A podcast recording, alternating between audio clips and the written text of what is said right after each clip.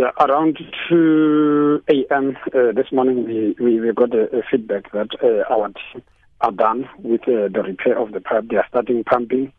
So we are just expecting that the reservoir levels will go up uh, sometimes at midday today.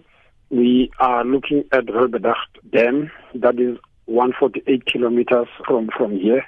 And then the Belesir Reservoir will then be filled so that restoration of water can happen. Hy sê watertankers is steeds ontplooi tot tyd en wyl hulle seker is dat die watertoevoer oral herstel is. Yes, there are areas that are struggling at the moment. That is why we are not going to withdraw our water tanks in all affected areas. The executive mayor of Mangaung Metro has, has um, sent a message to the public there to thank them for their uh, resilience and their patience during the past few days.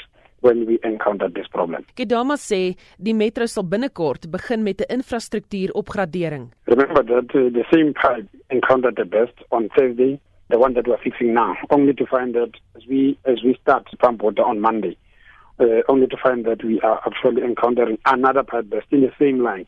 So that talks to our infrastructure that the our infrastructure is old and that we need to from time to time uh, make sure that it is uh, replaced So this has also given us uh, an opportunity because we have now installed a a steel pipe that will obviously, in terms of duration, will, will the lifespan will be more longer.